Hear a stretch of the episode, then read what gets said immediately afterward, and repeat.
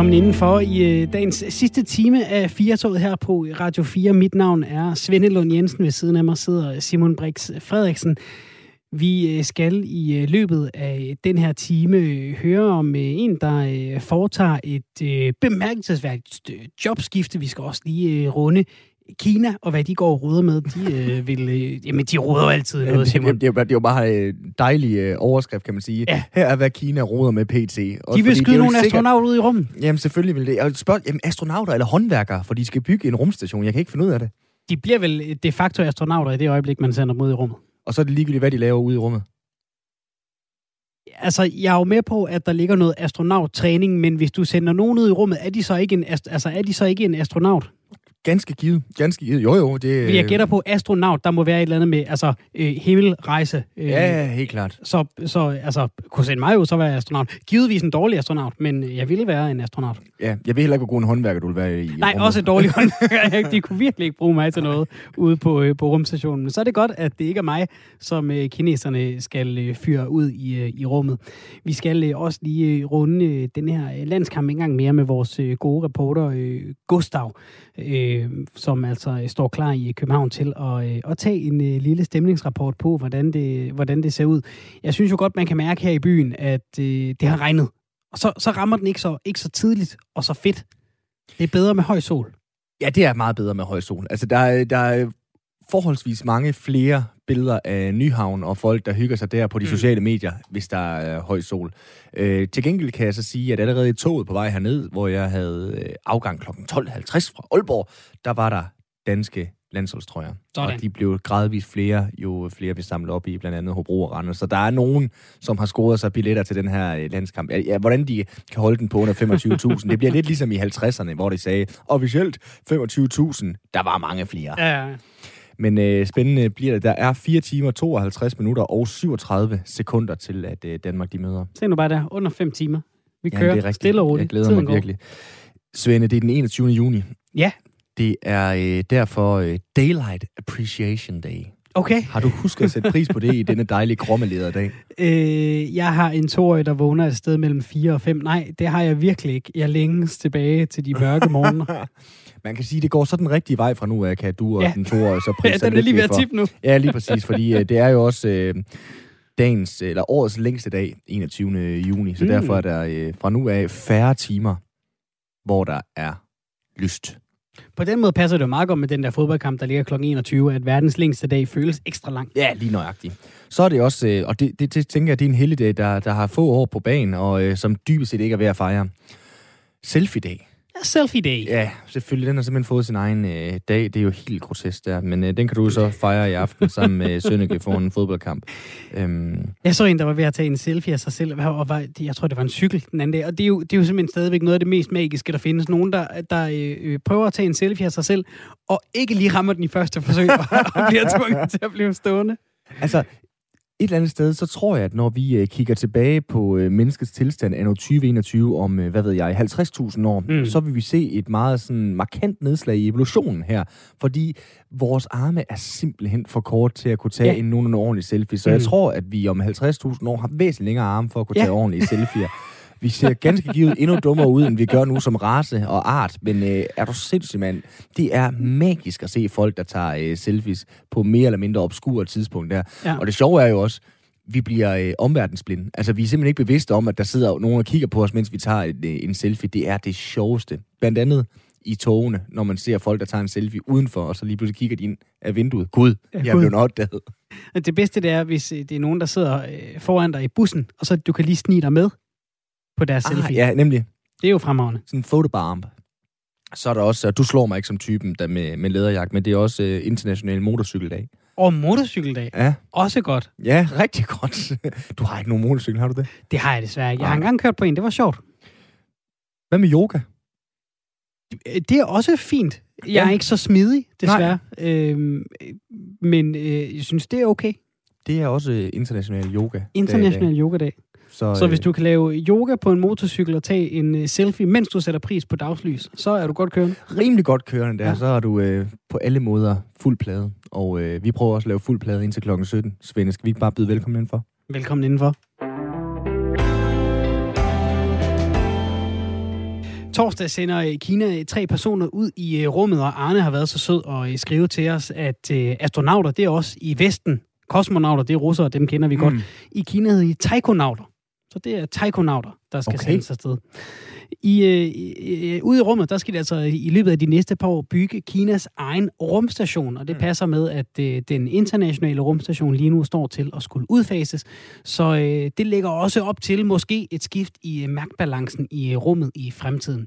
USA og øh, Europa har ikke samarbejdet ret meget de sidste 10 år omkring rummet, så det er sådan lidt op i luften, høhø, om Vesten får lov til at være en del af Kinas projekt, selvom der er lagt op til, at der kan komme gæsteforskere på deres øh, rumstation. Der kommer også til at være et rumteleskop, ligesom med Hubble-teleskopet, men det bliver kraftigere, selvom øh, selve rumstationen er øh, mindre.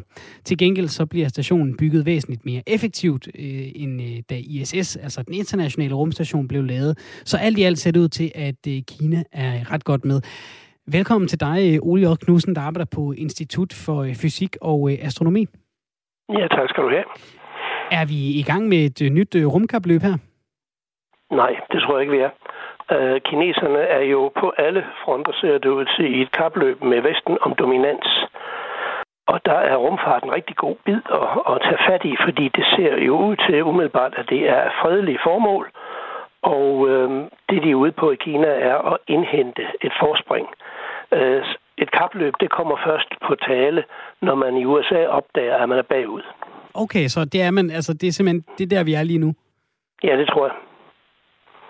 Hvor, det øh, tror jeg. Hvad med, og, øh, hvad med Europa? Ja. Er vi lidt en, en, en, en lidt for lille fisk i det her spil? Nej, vi er en stor fisk. Vi samarbejder faktisk øh, intenst med Kina. Øh, der har været blandt andet to af ESA-astronauterne, Samantha Cristoforetti og Mathias Maurer. Øh, de har været på træningsophold øh, i Kina. Øh, så, så det, du sagde før med, at Vesten er, er, er holdt udenfor, det er ikke rigtigt. Øh, Kina øh, sender øh, hvad hedder det, satellitter op, rundt om derop for, for dem, der vil betale og bestille. Øh, det, der er problemet, er den anden vej, at man i USA har øh, forbud imod at samarbejde med Kina. Øh, det har amerikanerne haft. Øh, firmaet har haft forbud mod samarbejde siden år 2000, og øh, NASA øh, må, altså NASA's ansatte må slet ikke kommunikere med kineserne. Siden år 2000, siger du, Ole? Ja. Hvorfor det? Og der har været nogle, nogle regler, også tilbage med, med Sovjetunionen, om, mm. øhm, om øh, hvad hedder det, øh, udbredelse af avanceret teknologi. Og det er det, man putter det ind under. Okay. Og, og hele det her rumkapløb, hvis, altså, det er jo sådan en øh, som mig, der kun kan huske det fra folkeskolen og gymnasietid. Hvor, hvor meget er der sammenlignet med rumkapløbet, som vi husker det og kender det og har læst om, til så det, der foregår lige i øjeblikket? Jamen, der er det, der er sammenligneligt, at bemandet rumforskning, især øh, rumforskning i det hele taget, har en kolossal PR-værdi, øh, både nationalt, eller især nationalt, og også internationalt. Øh, så på den måde er det vigtigt for Kina, ligesom det er for Indien og for øh, Emiraterne og andre, øh, at være med øh, og vise deres egne borgere, at de er med i klubben her. Øh, og det er jo også vigtigt, for eksempel for lille Danmark, at vise det i og med, at vi har nu fået en ESA-astronaut, som kommer fra Danmark, øh, der vi har haft nogle år efterhånden. Men altså, det er jo virkelig noget, man slår på trummen på for, er der noget, Ole, som vi skal være bekymret for? Fordi når vi snakker om, om Kina i vores del af verden, så er det jo nogle gange, at de tager overskrifter for nogle knap så positive ting i forhold til menneskerettigheder og øh, ansigtsgenkendelsesteknologi osv. Jeg sidder og brygger på en joke om, lad os håbe, at det ikke er Huawei, der skal lave det der øh, teleskop, så der bliver en ansigtsgenkendelse fra rummet. Er der, er der noget ved det her, vi skal være bekymret for, at, at, at Kina tager teten her? Øh, Ja, hvis man vil være bekymret over sådan noget, så må man da meget gerne for min skyld. øh, det, kan, det er allerede sket, han har sagt. Altså, Kina har taget tæten på rigtig mange områder, både politisk set og øh, teknologisk set. Øh, og du nævner selv Huawei øh, som, som en mulig partner i det. Lad os bare sige det. Det er jo aldrig blevet bevist. Men altså, på den anden side, så har Biden jo lige snakket om, at øh, USA's politik er at inddæmme Kina ligesom man ville inddæmme Sovjetunionen i gamle dage. Så, så øh, jeg tror ikke, den ene part har noget at lade den anden høre. Øh, det, man kan være bekymret for, det er selvfølgelig, at vi, der sætter så stor pris på vores, vores øh, borgerlige rettigheder og sådan noget, øh, og alligevel smider dem til side konstant, at vi øh, i den grad også får problemer, hvis det er Kina, der kommer til at, at bestemme over den slags ting øh, hos os. Øh, så der skal man jo altid være på stikkerne. Mm. Men altså teknologisk set, øh, der er jo den sjove ting ved det, hvis man synes, det er sjovt, at for eksempel øh, mobiltelefoner og masser af anden moderne teknologi er baseret på grundstoffer, råstoffer, som stort set kun øh, udvindes i Kina. Mm. Så det vil sige, at øh, hvis vi vil være med på vognen, så skal vi altså også være gode venner med Kina. Ja. Fordi ellers vil de ikke sælge materiale til os. Så det er et kæmpe spejlet spil, det her, øh, hvor der ikke er nogen nemme løsninger. Jeg holder mig til at, at være interesseret i, i astronomien og interesseret i det nye teleskop, som I nævner, og rumprogrammer i det hele taget. Og der, det synes jeg, da, det er spændende. Og det har jo vist sig også, at selv i, han har sagt, de værste øh, tider mellem, øh, som, og det ser jo ikke for godt ud i øjeblikket, mellem Rusland og USA, øh, så samarbejder man jo altså for fuld kraft, øh, blandt andet ombord på rumstationen. Så set fra, hvor du sidder altså bag dit skrivebord med dine faglige briller, så er det i virkeligheden et aktiv, at der er nogen, der, øh, der, der poster ressourcer i øh, rummet, øh, også i de kommende år? Det tror jeg helt sikkert. Og det der med, at, at man vil udfase ISS-rumstationen, det skal jo også tages med et grænsalt, fordi det, der sker, det er, at man har foreslået, at NASA ikke længere skal være med til at finansiere, altså den amerikanske stat skal ikke længere mm. være med til at finansiere det, så man vil sælge rumstationen til private. Det er ikke, fordi den skal udfases. Okay, så øh, altså, det kunne blive så spændende at se, hvem, øh, hvem der øh, blev interesseret i at, at, købe sådan en. I forhold... Jamen, der er allerede kunder, øh, ja. og så er NASA jo i gang med at opbygge den næste rumstation, som skal krise om månen, den der hedder Gateway, som kommer op, øh, om alt går godt, og det plejer det ikke at gøre, øh, men i november 24. Og nu nævnte du, øh, om, om alt går godt, det plejer det ikke at gøre. Altså, vi hørte jo for ikke så lang tid siden, at øh, kineserne havde noget, der øh, var kommet ud af kredsløb og drejet mod jorden. Og de plejer jo at være gode til i Kina at, at, at bygge øh, byer og alt muligt andet. Det plejer de at være helt vildt hurtige til at bygge på jorden. Er de lige så hurtige, når de skal bygge i rummet, og, og, og dygtige og driftsikre? Øh, det sidste i hvert fald driftsikre. De har en ganske langsom udbygningskadence. Øh, øh, de øh, går fra trin til trin, stille og roligt. Og de har lært af, øh, dengang da jeg var ung, der grinte man lidt af russerne, fordi der, vi kunne godt se, at der var propaganda i det der, og at de øh, gik efter de, de øh, lavt hængende frugter og sådan noget. Kineserne har lært, at det er en kæmpe fordel at fortælle på forhånd, hvad man gerne vil lave, fordi så bliver vi andre meget mere interesseret.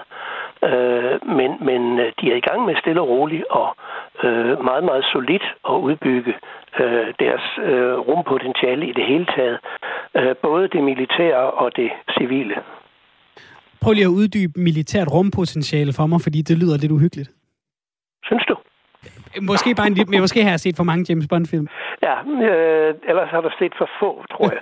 øh, langt, langt hovedparten af de opsendelser, der er foretaget indtil nu, øh, fra alt andet end ESA stort set, altså den, det, øh, den europæiske rumorganisation, øh, det er militære opsendelser. Okay. Øh, det er øh, såkaldte spionsatellitter af forskellige slags, øh, også teleskoper. Altså Hubble-rumteleskopet er jo øh, spin-off fra et amerikansk spionsatellitprogram, hvor man øh, byggede teleskoper, øh, som kigger ned mod jorden. Nogle af dem de flyver i øjeblikket. Øh, men der blev et spejl til over, så det fik man så lov til at bruge til Hubble-rumteleskopet, heldigvis for det. Øh, men altså langt, langt hovedparten af rumforskningen er militær.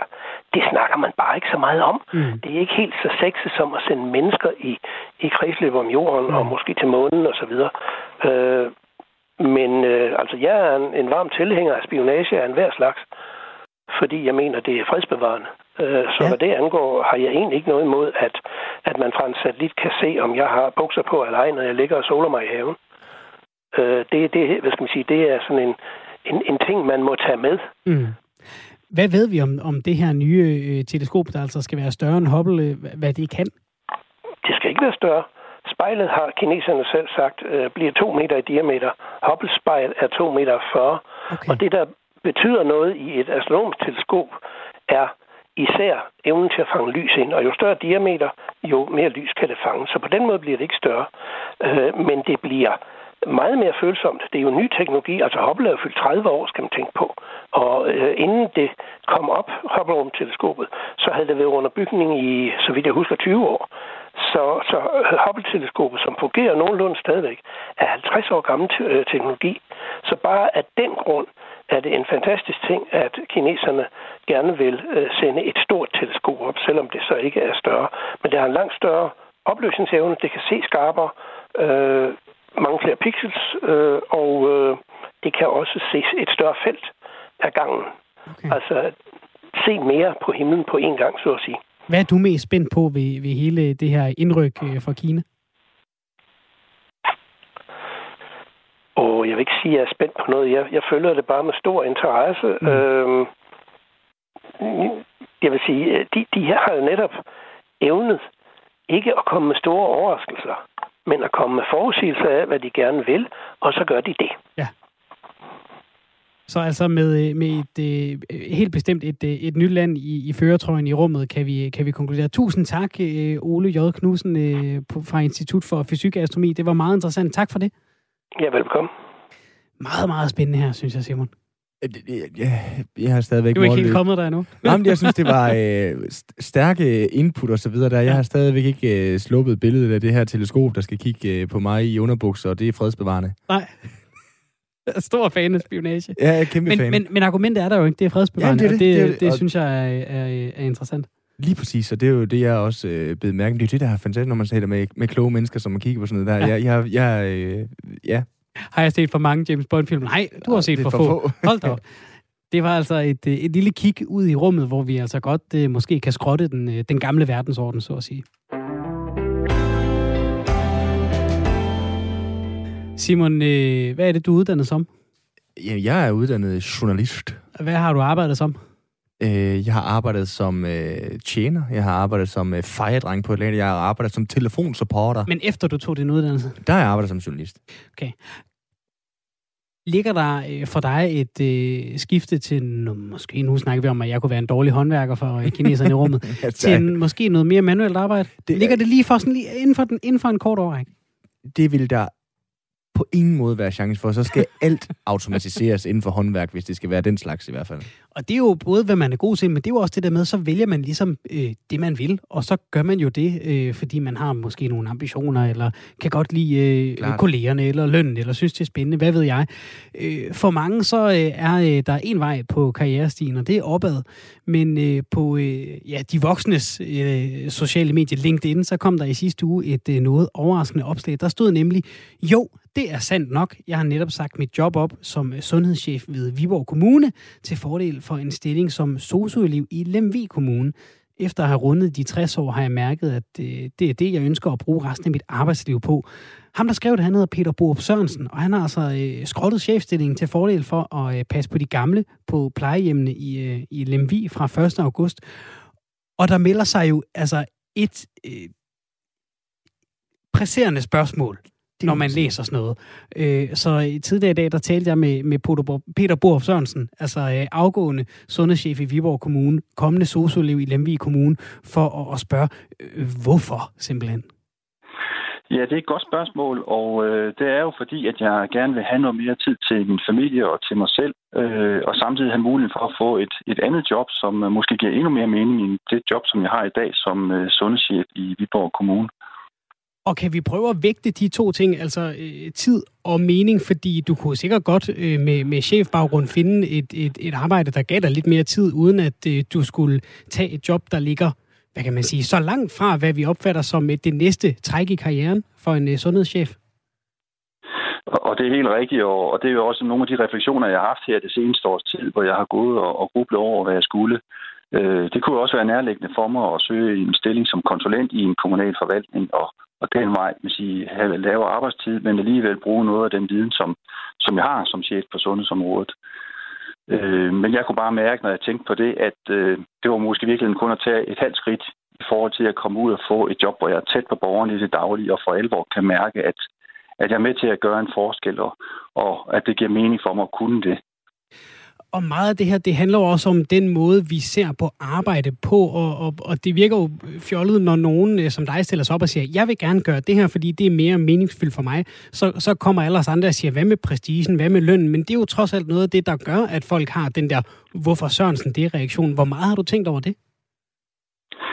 Altså, jeg har selvfølgelig tænkt over det, for jeg er godt klar over, at øh, det er jo en helt anden økonomi, jeg får i, i mit nye job end i den nuværende. Øh, og der føler jeg mig faktisk meget privilegeret over, at, at øh, ja, vi er en familie, hvor man siger, det, vi er ikke afhængige af, at jeg skal tage en, en chefsløn med hjem.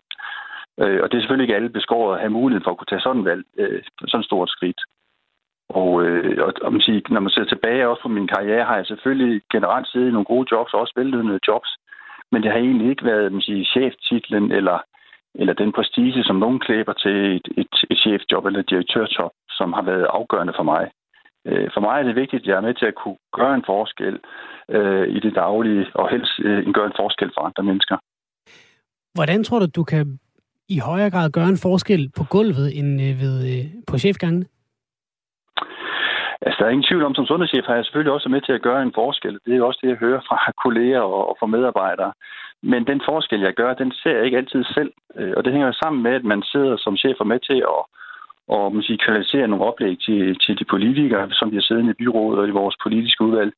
Vi sidder og skriver notater og render til møder og, og arbejder med nogle strategiske tiltag, som der skal tages. Og efterhånden, som de ting bliver implementeret, så gør det jo også en positiv forskel for borgerne. Men jeg mærker det bare ikke. Altså, jeg mærker jo kun, hvis I borgerne for alvor, når, når der er en, en pårørende eller en borger, som er skuffet over den ydelse, vi leverer, og har brug for at tale med chefen.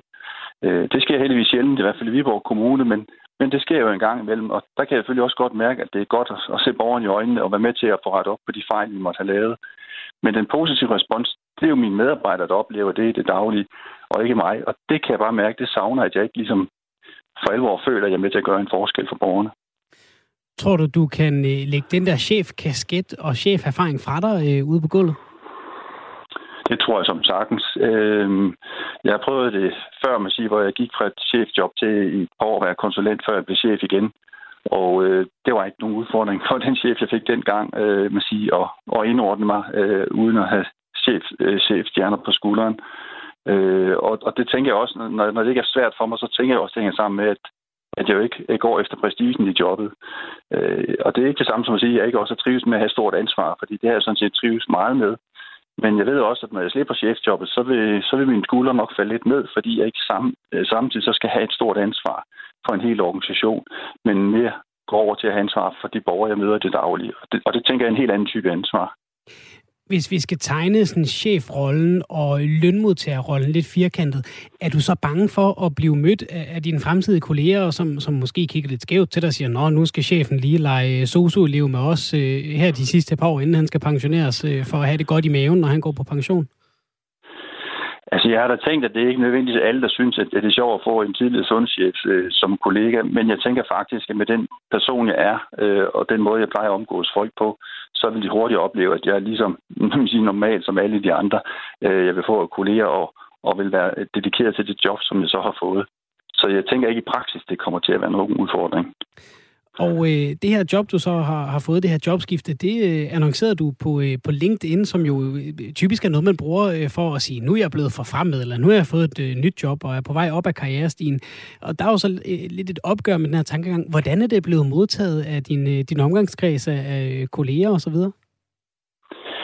Jamen altså, det er da modtaget utrolig positivt. Øh, både, kan man sige, mine nære kolleger øh, på Rådhus i Viborg, øh, familie og samarbejdspartnere har modtaget meget positivt, og, og, og er selvfølgelig også overrasket over det her skifte, men, øh, men respekt, respekteret, og, og, og flere giver også udtryk for, at det er måske også er en inspiration til dem selv. Fordi der er jo ikke kun mig, som, sige, som har en lang arbejdsdag og bruger en masse energi på jobbet. Det er der mange, der har. Øh, og mit budskab i den sammenhæng er jo egentlig bare at prøve at mærke, er, mærke ordentligt efter i sin mave, og være ærlig over for sig selv, om det er det, man så også har lyst at blive ved med. Og det er der sikkert mange, der, der har lyst til, og, og det er jo fint nok for dem. Nu har du allerede øh, nævnt, øh, Peter, det her med, at, det er jo ikke alle, der lige har råderum i økonomien til at lave et øh, karriereskift, der giver lidt mere tid eller, eller mening i, i hverdagen. Men er vi generelt set for dårlige til at mærke efter, hvad det er, vi vil, hvad det er, der giver os noget, noget indhold ud af det, vi, vi laver hver dag på arbejde? Jeg tror, jeg tror, at folk ser meget forskelligt på det, øh, og kan have forskellige behov i den sammenhæng. Øh, men jeg er da selvfølgelig stødt på både chefkolleger og også, øh, også andre, som, øh, som jo også overfor mig giver udtryk for, at, at de har også længe gået og spekuleret på, om, om det var noget andet, de skulle, som enten gav en, en kort arbejdsuge, eller som gav mere mening øh, i det daglige. Så jeg tror, at der er mange, som går rundt og måske tænker lidt det, som jeg også har gjort. Øh, og nu har jeg så taget øh, springet og meldt beslutningen ud, Og så kan det være, at der er nogle andre, der finder på at gøre noget tilsvarende øh, de kommende måneder år. Det håber jeg da. For jeg tror, der er nogen, øh, som har, har brug for virkeligheden at mærke efter og, og springe ud i det. Og vil du ikke lige, øh, du har været lidt inde på det, Peter, men prøv lige her til sidst øh, at fortælle mig, hvad glæder du dig øh, mest til at, at opleve, opleve i, dit, i dit nye job? Jamen, jeg glæder mig simpelthen til at få lov at snakke med herre og fru Hansen, som har brug for hjælp, uanset om det er på et plejehjem eller, eller ude i ældreplejen. Og hjælpe dem med det, som er, er vigtigt for, at de får, kan man sige, en værdig øh, hjælp i deres daglige liv, øh, og kan leve så godt som muligt, og så mærke, at de, de smiler, når jeg går ud af døren. Øh, det er også okay, hvis de ikke smiler og er sur på mig, fordi jeg ikke har gjort det ordentligt. Øh, for det er jo også sådan, det er, at nogle gange så får man jo en kontant afregning, også når man ikke gør det godt. Og det vil jeg have det helt fint med, at så prøve at gøre det bedre næste gang. Er der noget, du er nervøs ved? Nej, det synes jeg ikke. Altså, jeg har jo før man sige, færdes øh, blandt både borgere og, og øh, man sige, medarbejdere inden for den sektor. Jeg har jo en fortid, hvor jeg har arbejdet et års tid på et gigthospital øh, under min studietid, så, så jeg kender godt fornemmelsen øh, både omkring jobbet og, og det samarbejde, der er med borgeren. Så ved jeg godt, der er lidt meget vand i åen siden, så, så vilkårene for jobbet er måske ikke de samme i dag, som det var for, for 35 år siden. Men, øh, men, øh, men som sådan, så tænker jeg, at det, det bliver rigtig spændende. Jeg ser rigtig meget frem til det. Og som vi har snakket om, du har jo altså en masse erfaring som, øh, som sundhedschef i øh, Viborg Kommune med, med at lægge de strategiske linjer osv. Tror du, øh, sundhedschefen i, i Lemvi bliver glad for dig som sociolev, eller tror du, han bliver rigtig træt af, at du står og banker på døren med gode idéer og, og ting, der ikke er overholdt?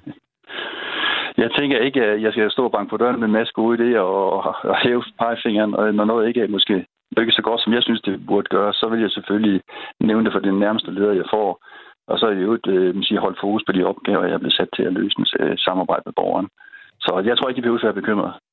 Det fortalte Peter Borup Sørensen altså tidligere i dag, da jeg talte med ham, øh, og Peter Borup Sørensen, som fra 1. Øh, august altså skifter stilling som sundhedschef i øh, Viborg Kommune ud med at være socioelev i Lemvi. Simon, du, du hiver lidt i øjenbrynene derovre. Jamen, det, det, det er jo en fantastisk historie. Det er jo en fantastisk ja. skift. Jeg kan huske, nogle gange har jeg også fået fortællinger fra familiemedlemmer, der gik fra at være direktør i et større varehus, til lige pludselig bare at sige, det her, det er ikke det værd. Mm. Så nu øh, blev jeg slagteri øh, arbejde. Altså sådan nogle historier, der synes jeg ja. er fantastiske, det der med, hvornår... Øh, hvornår tigeren lige falder, og, og vejen går op for. Fordi det er jo ikke som sådan, fordi han er utilfreds med det arbejde, han har lavet. Nej, nej. Det er jo det, der er fascinerende, det er, han det er bare gået op øh, for ham, at der er noget andet, der skal til.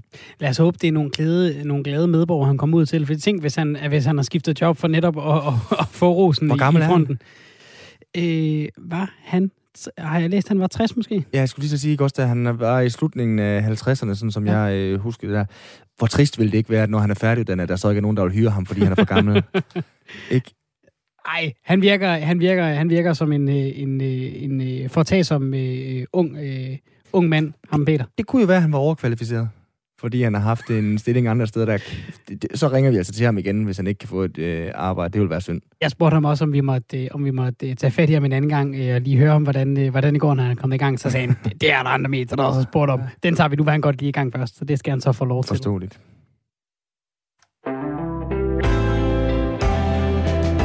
Vi skal nogle trin ned af aldersskalaen nu fra, mm. øh, fra 60, Svende, skal vi nu øh, tale om børn og hvordan vi møder dem som voksne, altså Ja. Øhm, altså, tænker du som, som far over, om vi er gode nok til at lade børn være børn? Ja. Godt. Det gør jeg. Hvordan? Øhm, det handler om nogle af de bekymringer, vi voksne går og har os øh, for børnene. Hvornår skal man tage en snak om mm. X, Y eller Z, ikke? Altså, er, er der noget af det, hvor det er lidt tidligt? Altså, den der grænse mellem, man skal tage dem alvorligt, mm. men, men måske behøver de heller ikke forholde sig til øh, meget, meget store ting i en forholdsvis ung alder. Det er jo sådan en, det er jo, det, det er jo sådan noget, jeg, jeg ikke bakser med mm. Til daglig, men, men ofte altså det der med at sige, øh, jamen, det kan være en fin ting for min søns opdragelse at nævne øh, racisme eller kønsopfattelse mm. eller et eller andet, men hvornår pådutter jeg ham noget, altså det kunne være, der var gået tre år, før han havde tænkt over det, og nu skal jeg give ham en masse voksenbekymringer øh, i, i, et, i et børneliv, der ellers øh, går rigtig fint. Så tænker jeg over det i forhold til, øh, om øh, måske han ser for meget YouTuber i stedet bare burde løbe ud på vejen og lege. Men, men jo, det fylder da øh, helt sikkert. Du rammer den meget godt, tror jeg, i forhold til det, vi skal til at snakke om øh, nu. Fordi i politikens debatsektion, der vil jeg godt lige læse øh, følgende uddrag mm. op. Hvor ville det være dejligt for alle, hvis vi kunne udskifte bekymring med nysgerrighed på denne her alle tiders helt almindelige fireårige, der ikke kan dele, der selvfølgelig ikke kan vente, eller selvfølgelig ikke sidde stille, og som måske også kom til at drikke lidt af vandpytten nede i øh, skolegården. Det er altså et citat fra politikens øh, debatsektion, og spørgsmålet er jo så, om, om alle børnene, de så lov, skal have lov til at være sådan Peter Pan, der aldrig rigtig bliver voksen, eller hvordan vi lige skal møde den. Det kan vi jo spørge dig om, øh, Ditte Vinter Lindqvist. Velkommen til. Jo, tak. Du er lektor i uh, udviklingspsykologi og uh, på Aarhus Universitet, og dig, der har skrevet det her debatindlæg i uh, politikken, hvor du opfordrer til, at vi lader børn være børn. Ditte, tager vi børn for alvorligt? Ja, det synes jeg på nogle måder, og det er jo også det, indlægget handler om. Men altså, hvis du spørger overordnet, om vi tager børn for alvorligt, så kan jeg jo ikke sige andet end, øh, nej, altså det kan man jo ikke. Men, øh, men lige netop det, I også diskuterede før, altså hvad er det for nogle bekymringer, man, man, øh, man involverer dem i, og hvad er det for nogle beslutninger, man synes, man skal tage for dem og, og involvere dem i. Og der synes jeg nogle gange, at vi ligesom sætter for, vi sætter vores egne voksne standarder op for succes og fiasko, når vi vurderer dem i stedet for i højere grad at kigge på, hvordan de har opfattet noget, for eksempel. Ikke? Øhm, det kunne være et eksempel på, jeg synes, øh, altså, det er jo ikke noget med at tage dem for alvorligt, mm. det er mm. mere noget med på en måde ikke at tage dem helt alvorligt, som de børn, de er. Mm. Men et eller andet sted, Ditte, det er jo sådan lidt øh, kliché, øh, måske lidt varmt luft, bare at sige, at vi skal lade børn være børn. Hvordan mener du det sådan helt øh, konkret også med den baggrund, du har? Jo, men altså, det handler jo netop om den måde, de fortolker deres intentioner og vurderer deres øh, fiaskoer, eller hvad man skal sige. Og det en af de andre pointer i kronikken er jo også, at vi skal, vi skal begynde at være, vi skal blive bedre til at tænke i udvikling og bevægelser frem for kategorier. Altså, så de små er jo bare på den her kæmpe store øvebane hele tiden, hvor de prøver at finde ud af, hvad er rigtigt og forkert, og hvad er ondt og godt, og hvad kan andre lide og ikke lide, og hvad må man i det hele taget her. Øhm, og, og, og i stedet for at tænke på dem som nogen, der øh, er ondskabsfulde eller gør forkerte ting, så, så kig på dem mere som nogen, der er ved at finde ud af, hvad der er op og ned, for eksempel. Ja, du skriver jo faktisk ordret, vi har frataget børn retten til at være øh, barnlige, og nu kommer der sådan måske en journalistisk stramning, og så er det jo din øh, opgave at så punktere den, hvis det er. Men er det, er det et overgreb, vi udsætter børnene for ved at fratage dem retten til at være barnlige? Nej, det synes jeg, det synes jeg er for at trække det for langt, mm. eller bruge overgrebsordet øh, måske for, for, for Øh, altså, jeg, jeg tror mere, at det er noget med at tale til middelklasseforældrene, som jo rigtig gerne vil gøre mm. det rigtig godt over for deres børn og så bare minde dem om, eller minde os alle sammen om, at børn er børn og skal måles ud fra standarder, der passer på, at de er børn. Øh, og, det, og det gælder både med, hvad kan de se på YouTube, det skal de selvfølgelig ikke selv bestemme, vel? Og, og det handler om, øh, hvor mange valgmuligheder man giver dem, og det handler om, at når de slår hinanden i hovedet som toårige, så er, der ikke, så er det ikke, fordi der er noget galt med dem, eller de er ondskabsfulde. Så er det simpelthen, fordi de, de prøver at finde ud af, hvad sker der, når man slår med den her skål på den her fasong. Ikke? Og det er jo ikke, fordi man så ikke skal korrigere dem og sige, det må man ikke. Men, men man skal hele tiden forstå dem som på vej et sted hen, hvor de forstår stadig mere. Mm. Du, lige netop nogle af de her ting, du river fat i, uh, konkrete eksempler, har du jo også i løbet af, af kronikken. Du har blandt andet den toårige, der slår den anden toårige i, i vuggestuen. Altså, hvad er det, der er på spil her, og hvad er det, øh, vi som voksne gør forkert? Jo, men altså, det der er på spil er, som jeg sagde, at de, at de ligesom prøver ting af. Og, de, og, og, og lige med de toårige, det er meget, meget sjældent, at de har noget, nogen intention om at skade andre. Mm. Øh, men det er jo det samme som, at det aldrig, kommer, at det aldrig er det, der sker. Øh, så, så det, vi går galt med, er, hvis vi så bekymrer os for, åh, er der noget galt med min toårige? Er hun, er hun, er hun antisocial og, og beder om møder med pædagogerne og alt muligt, fordi vi er så bekymrede hele tiden. Hvor der, der tænker jeg mere, når man tager det roligt, den toårige prøver at finde ud af, hvad der er op og ned, og de får nogle buler, og Øh, og det, nogle gange er de den, der slår, andre gange er det den, der får en skovl i hovedet. Og det klarer de også udmærket, og de vokser op og bliver øh, gode borgere alligevel i sidste ende. Altså, så det er mere det der med at tage det lidt med ro, ikke? Øhm, I, ja, i forhold til... Ja, ja fortsæt endelig. Øh. Nå, I forhold til den fireårige, det synes jeg nemlig næsten er det bedste eksempel på det. Altså, der, der er det der med at have gæster hjemme og legeaftaler, det er jo noget, vi går meget op i, ikke? Og der, der holder vi bare lidt forskellige standarder for, hvornår det er gået godt. Ikke? Og der må man ikke møde barnet med sådan en standard for, hvordan man er en god værtinde, øh, der deler og byder velkommen og sørger for god stemning. Altså, altså børn har konflikter om, om ting, de synes er svære, og det er svært at dele sine ting med andre. Og, og det skal vi hjælpe dem med, i stedet for ligesom at blive enormt skuffet over dem. Mm. Hvor er vi gået galt? Altså, fordi når, når, når sådan en som dig øh, skriver et debatindlæg, og, og, og du nævnte også, at altså, vi skal have fat i den, i den brede middelklasse, hvor, hvor er det, vi... Øh, hvad kan man sige, hvilken side er det, vi har misset i, i opdragelsesbogen her? Jo, men altså, det er jo faktisk, tænker jeg, nemlig kommet hånd i hånd med rettighederne. Og det er jo det, der er det spøjse. Fordi jeg skal være den første til at hylde, at vi har givet børn rettigheder. Og, og, og det er jo på mange måder kun godt, altså, at, øh, at vi har børnekonventioner, alle mulige former for rettigheder ind over børns liv. Men det, jeg så er bange for, der samtidig er sket, er, at vi i den proces også har glemt, at de så faktisk er små børn, og at de skal have ret til at være barnlige også. Altså, fordi vi har svært ved at forstå det, der er anderledes i den anden. Så, så i og med, at man ligesom har sagt, okay, børn er med på den samme spillebane som voksne, de har også rettigheder, de skal også tages, tages alvorligt og alt muligt. At det har vi så ligesom, det har vi gjort, og så har vi faktisk glemt det, der er anderledes fra os selv i dem, nemlig at de også er barnlige. Mit næste spørgsmål er, bliver stillet inden fra glashuset, og en stor sten, jeg selv kaster ud, fordi som forældre øh, kan jeg om nogen godt lide bare at, at give forholdsvis øh, frie rammer til, til mine børn. Øh, hvis jeg lige må vende tilbage til noget af det, du, du sagde før, så for eksempel, hvis man har en toårig, der slår en anden toårig, øh, så, så skal det også være okay. Det er sådan en ting, et begreb, vi har, vi har talt meget om de senere år. Det er næsten blevet brugt så meget, det har mistet sin betydning, men curlingforældre, ikke? Er der, er der en lille snært af det? Altså, hvis jeg øh, går hen i, i vuggestuen til en anden forælder og siger, dit barn slog mit barn, jamen Anton, han er bare lige på vej et sted hen. Og så tror jeg måske, at jeg vil blive sådan en lille smule træls, øh, have en træls fornemmelse af, at, at, at øh, de her forældre ikke tog det alvorligt. Altså, er, er der en hårfin mm. balance der? Nå, men det er klart, hvis der er et barn, som, som i meget høj grad og er meget mere end alle de andre altid slår, så kan man jo godt finde, så, så er det jo noget andet. Det er mere det der med, at man, øhm, ja, at man ikke må altså, tro, de er mere kompetente. Vi har i den pædagogiske debat talt rigtig meget om dit kompetente barn. Mm. Og det er jo rigtig fint. Men det er jo bare igen, altså, de er så ikke så kompetente, at de ikke... Altså, det er en lang udviklingsproces at lære at sige, hvad man er utilfreds med, for eksempel, frem for at slå.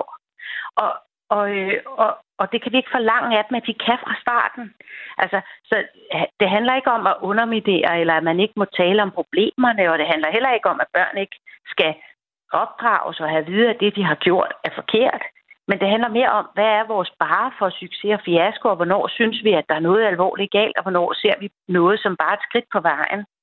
Øh, så vi skal måske, forstår, jamen, så vi skal tilbage til en form for, øh, altså, de er jo bare børn, i stedet for at få rigtig travlt med at, at placere vores øh, poder på øh, et øh, spektrum, eller en psykopatskala, ja, eller, eller øh, særligt sensitiv. Ja, præcis. De har slet, slet ikke nogen gavn af, at vi begynder at tænke i kategorier om dem. Og, øh, og, og vi har heller ikke som forældre gavn af at tænke om dem på den måde. Øh, fordi i virkeligheden har, har alle parter bedst af at, at løsne skuldrene lidt og komme ud af den her perfekthedskultur, altså som vi holder for os selv, og som vi også holder andre forældre oppe på. Og så ligesom øhm, ja, prøver at vise noget tillid. Ikke? Og det er igen ikke det samme som, at vi ikke skal stille krav til børnene, og at de ikke skal opføre sig ordentligt, fordi det skal vi selvfølgelig hjælpe dem med at blive stadig bedre til. Det er mere noget med, hvordan vi ser på dem undervejs, og hvordan vi ser på det, at der er konflikter og problemer og, og så videre. Og at, at de, er bare, øh, de er bare lidt anderledes end os andre. For eksempel kan de finde på at drikke af vandpytten og spise grus og alt muligt, som vi ligesom har svært ved at huske, øh, når er det var dengang, man, man kunne finde på sådan noget. Ikke? Mm. Ja, det er jo fedt at få alle de her ting nuanceret, fordi selvfølgelig er det ikke øh, sort-hvidt, men et eller andet sted, altså, er der noget positivt i, i vores tilgang til børn og unge i forhold til at også at tage den seriøst og, og møde dem som, som, hvad skal man sige, selvstændige lærende individer, eller, eller skal vi lidt tilbage til de gode gamle dage, eller hvad siger du? Ja, men helt sikkert. Altså, bevægelsen er positiv og fremadrettet og har været det i masser af år. Og der er ikke noget tidspunkt, jeg heller ville have været barn på i Danmark end i dag. Altså, øh, så, så det er et eller andet med, at inden for den bevægelse er det bare vigtigt, at vi fastholder fokus på, at de små skal have lov at være små, og vi skal tænke over, hvad det er for nogle ansvar, vi stiller dem.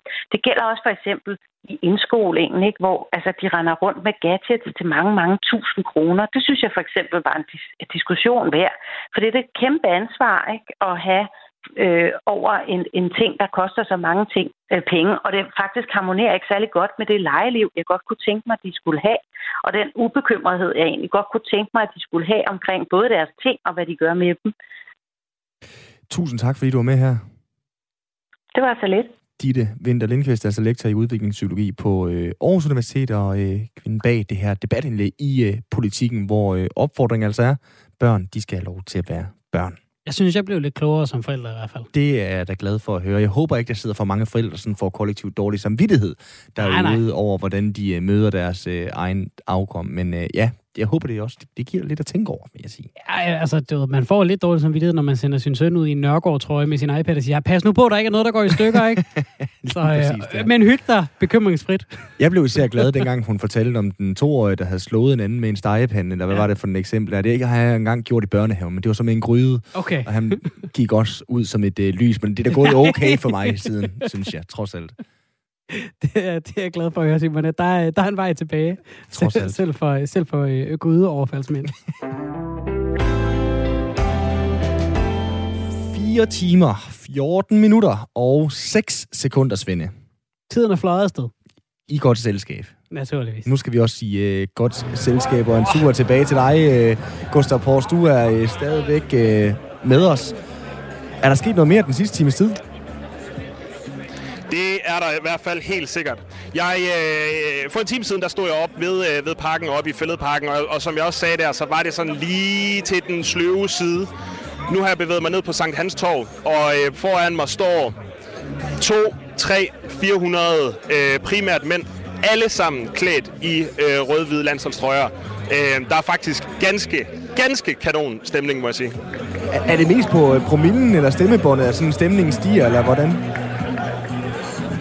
Ej, men jeg, jeg vil sige, det er det hele. Altså, det er, det er på udklædning, det er på øh, klaphatte, ansigtsmaling, øh, promiller og på... Øh, og på ja, sangstemmen kan man også godt øh, kan man også godt høre, at der er nogen, der, der har sunget i en del timer, kan man faktisk godt høre.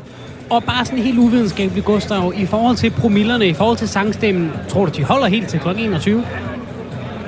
Det tror jeg helt sikkert, de gør. Og jeg kan jo faktisk lige spørge øh, Morten, som jeg, som jeg står med her. Øh, inde i studiet, der snakker de om, hvorvidt sangstemmen den holder helt til, øh, til kampen. Tror du, du mister stemmen øh, senere, eller kan du holde den kørende? Altså, nu er jeg så heldig at være inde og se øh, kamp mod Belgien, og der, øh, der mødte jeg faktisk op øh, 6 timer før, og de to timer kamp var, og der mister jeg ikke stemmen, og jeg tænker, at jeg kun blev mere rutineret øh, siden da, så øh, det krydser i hvert fald fingre for. Og, og hvad er hemmeligheden til så at bevare stemmen? Er det bare smøre den med, øh, med øl og bajer, eller hvad? Ja, det, det virker altid, men øh, jeg tror, hvis du spørger min mor, så er jeg i hvert fald øh, måske en af de mere højlytte i vores vennegruppe, så, øh, så jeg har måske haft øh, en 10-15 år på banen i at råbe højt øh, og, og skabe mig, så, øh, så det bliver en festdag for både mig og min stemme, og så må vi tage, øh, tage alt det negative morgen. Og du siger du også lige til vi fik det et lille udfald på linjen her med Gustav Pors. Vi ser lige, om ikke han kommer tilbage til os har altså været inde og, øh, og se en del landskampe før. Kan I høre mig øh, Det kan vi nu. nu. Morten har været inde og se nogle landskampe før. Jo, dejligt, dejligt, dejligt. Lige præcis, lige præcis. Øh, Morten han har været inde og se en del landskampe før, som du fortalte mig før. Øh, øh, hvor, hvor mange har du været inde og se? Altså, hvor rutineret øh, er du? Jamen altså, jeg vil skyde på en, øh, en 25 stykker eller sådan noget. Øh, men af mit hold, det er Lyngby, så der har jeg været at se en 200-300 kampe eller sådan noget i min levetid. Øh, inden jeg lige stiller det aller sidste øh, oplagte spørgsmål i forhold til, hvad, hvad, hvad du tror resultatet af kampen bliver. Så grund til, at jeg også har taget fat i dig, Morten, det er fordi, jeg kunne se, at du sad over på øh, de her noget udskældte soundbox efterhånden. Men det som, hvis man skal rose soundboxen, så er det også, at den kan skabe en rigtig, rigtig god stemning, også på en plads som øh, Sankt Hans Torv. Øh, og det er også dig, der sidder med spillelisten. Kan du ikke øh, løfte sløret for, hvad det er, der er på, øh, på spillelisten sådan en dag som i dag? Jamen først og fremmest så vil jeg jo anbefale alle lyttere at gå ind og følge Mansholdets playliste derinde. Der er en masse banger, og det er både til små og til store. Øh, min favorit, når jeg får stukket musikken i hånden, det er Young Varm øh, og Magnus Warming, der netop også spiller Lyngby, og han, øh, han kan virkelig tørne op for en fest, øh, også i rød-hvide farver. Og så skal vi lige have et bud på resultatet til allersidst. Jamen, øh, jeg tænker, at det bliver en 5-0'er. Øh, to mål af Røde AC, og et enkelt mål af, Ju- af Yusuf, og så to mål af, af Christian Nørgaard. Alle fem lyngby-drenge. Det er stærkt. Og nu, jeg ved ikke, om I kan høre den. Nu kommer den her i baggrunden, recepten. Fuld blæs fra soundboxen, og så øh, ja, altså kanon god stemning herinde fra, øh, fra Sankt Hans Torv. Gustav, Ja, kan jeg lukke dig til at stille Morten et spørgsmål mere? ja, det kan jeg i hvert fald. Når han har set så mange landskampe, øh, fodboldkondensør kan vi høre, øh, der er jo mange ting, der lige skal gå vores vej. Vi kan høre på Mortens bud på 5-0. Øh, Det regner han med øh, kommer til at gå fint. Kan du ikke lige få ham til at beskrive, hvad var det for et hold, han så i parken sidst i Belgienskampen? Altså med, med, med så mange landskampe under billedet. Hvad så, hvad, hvad så han frem? Hvad, hvad, det, hvad var det for et hold, han så? Ja, det kan jo øh, passe til at spørge, spørge dig videre om, Morten. Da du var inde og se dem mod Belgien, hvad var det der for et hold, du så spille den kamp øh, i forhold til alle de tidligere landskampe, du ligesom har, har set? Hvad var det for et hold, der gik på banen der mod, mod Belgien? Ja, så har jeg ikke lige hørt, der er blevet skruet en del op for stemning her på Sankt Hans Torv. Øhm, det hold, jeg ser øh, mod Belgien, altså vi spiller en fuldstændig vanvittig kamp igennem, øh, igennem hele kampen, især de første 45 minutter.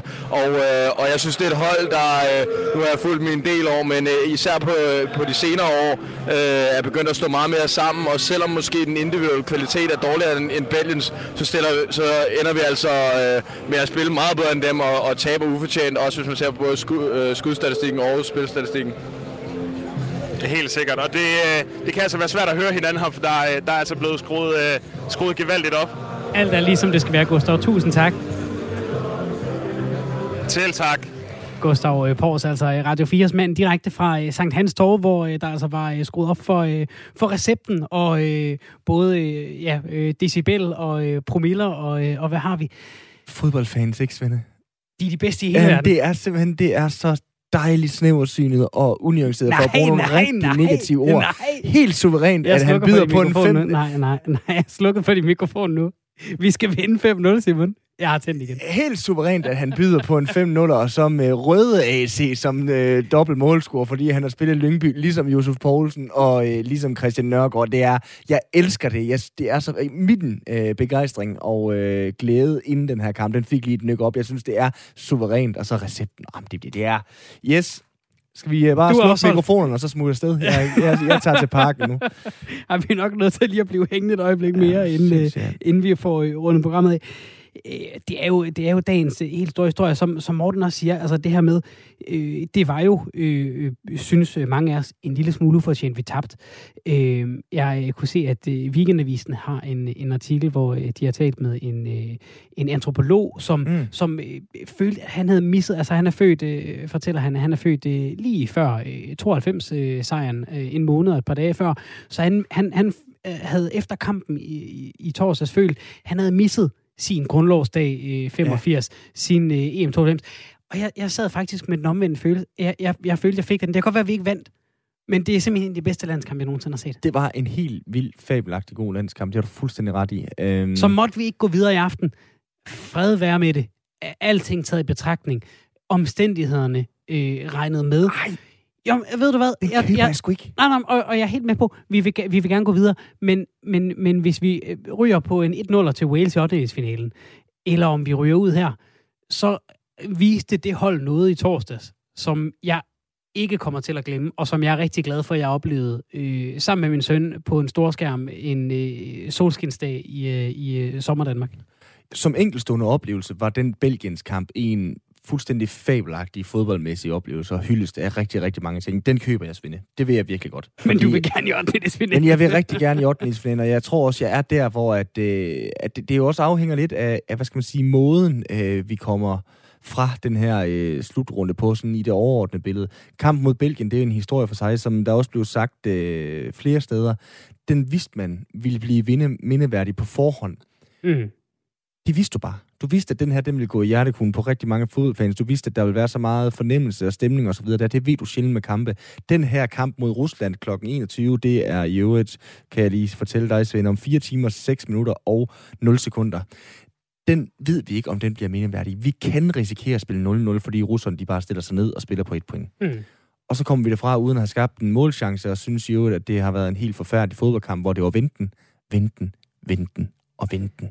Og det vil jeg være træt af. Ja, altså, der er jo rigtig meget ved hele den her optakt. De mange timer. Mm-hmm. Og øh, det her med at se frem, og, øh, og, og de 5-0, som, øh, som Morten fra Stand Hans står og snakker om. Altså det her med, Josef Poulsen siger, at man skal kunne slå i Rusland til sådan en runde Altså, når vi snakker om dansk øh, fodbold og dansk sport på eliteplan, mm. det lugter rigtig meget af, at vi løber ind i en, en 0-3'er. Fordi det har, vi, det har vi bare gjort før, ikke? Altså der, når det virkelig snappet til, øh, så, så er det tit, øh, at vi har skuffet bare en lille bitte smule, ikke? Altså, man kan sige, jeg kommer i hvert fald fra en generation, hvor, øh, hvor de her lige videre næsten kampe, de typisk er ind på med en rigtig maveplasker. Ja, Altså virkelig, ja, 2002 England 3-0, 2004 vi taber til Tjekkiet efter at have været gode i gruppespillet. 2018, stor oplevelse, gør klar til en straffesparkskonkurrence. Det er en god fortælling. Kasper Smeichel redder straffesparket, Peter Smeichel jubler osv. der. Om og hvis jeg må gå lidt længere tilbage, 96, vi kommer som forsvarende europamestre, og den, den, den, går, den går bare ikke helt vel. Øhm. Det er sgu øh, ærgerligt. Ja, jeg, jeg, det, der gav mig mindelse om den kamp, vi oplevede forleden mod Belgien, det var øh, Danmark mod Brasilien. Ja. 98. Ja. Det er den første fodboldkamp, jeg så i øh, fuld længde. Okay. Det var Danmark-Brasilien i 98. Øh, det vil sige, at jeg var ikke kommet ind, dengang de havde vundet 4-1 over Nigeria, mm. som øh, The Flying Super Eagles, eller hvad de hed dengang. Mm. Øh, men, men alligevel den der begejstring over et nederlag over, hvor smukt det var, og hvor mange fortællinger i kampen. Vi var lige ved at næsten. Vi havde et, et drøn på øh, overlæggeren til sidst ved øh, Mark Riber, og hele de der fortællinger i det. Det var der lidt ekko af i parken forleden dag. Og vi havde den jo også igen, ikke helt øh, op på navlerne, men da vi røg til øh, Kroatien til, øh, til VM sidst. Altså, mm. det, det, er jo, det er jo det der løfte, som, som 98 har også havde løftet om, vi kunne være gået hele vejen. Ikke? Yeah. Og det er jo det, man sidder tilbage med, når man så dem spille mod Belgien. Vi kunne være gået hele vejen. Og det er jo så den øh, historie, der skal skrives videre på i aften kl. 21. Det bliver, øh, jamen, det bliver bare spændende. Altså, lad, mig, lad mig prøve at tale dit sprog, du forstår, Simon. Øh, håndbold fra øh, Aalborg, ikke? Ja. At øh, Aalborg, hånd, hvad hedder de? De hedder Aalborg håndbold, ikke? Fuldstændig rigtigt. De, blev de mestre i år? Ja, det gjorde ja, de. det gjorde de. Ja, og så var de i Final Four-finalen Champions League. Ja. Og tabte. Og tabt. Ja. For dem så var du ved, de skulle bare lige, så skulle de bare lige, for at lave det helt perfekt, så skulle de bare lige lave et resultat mod upagtet Mors Ty i pokalen, ikke? Ja. Det er Rusland. Og det er jo det, man frygter. Ja. ja. Jeg må også bare... Jamen, det der... Oh, den holder ja. ikke, eller hvad? Nej, det gør den ikke, fordi at de havde alligevel vundet mesterskabet i en coronasæson, der har været fuldstændig grotesk lige inden der. De har været i Final Four. Altså, det er jo lidt... Jeg tror også, dem, der oplevede 96, de øh, accepterede, at Danmark øh, røg ud, fordi at vi lige havde vundet King Fat Cup, og vi også havde vundet EM. det tror jeg. Ja, sådan accepterede jeg det også med Aalborg ja. håndbold. Men Svende, nu skal jeg hjem og se fodbold. Du må lukke af. Det, det skal jeg gøre. Øh, du øh, har lyttet til øh, Firtoget. Vi er tilbage igen i morgen, forhåbentlig med øh, klaphat og øh, blafrende flag. Ha' en rigtig god øh, eftermiddag og aften til alle jer derude. Du lytter til Specialklassen.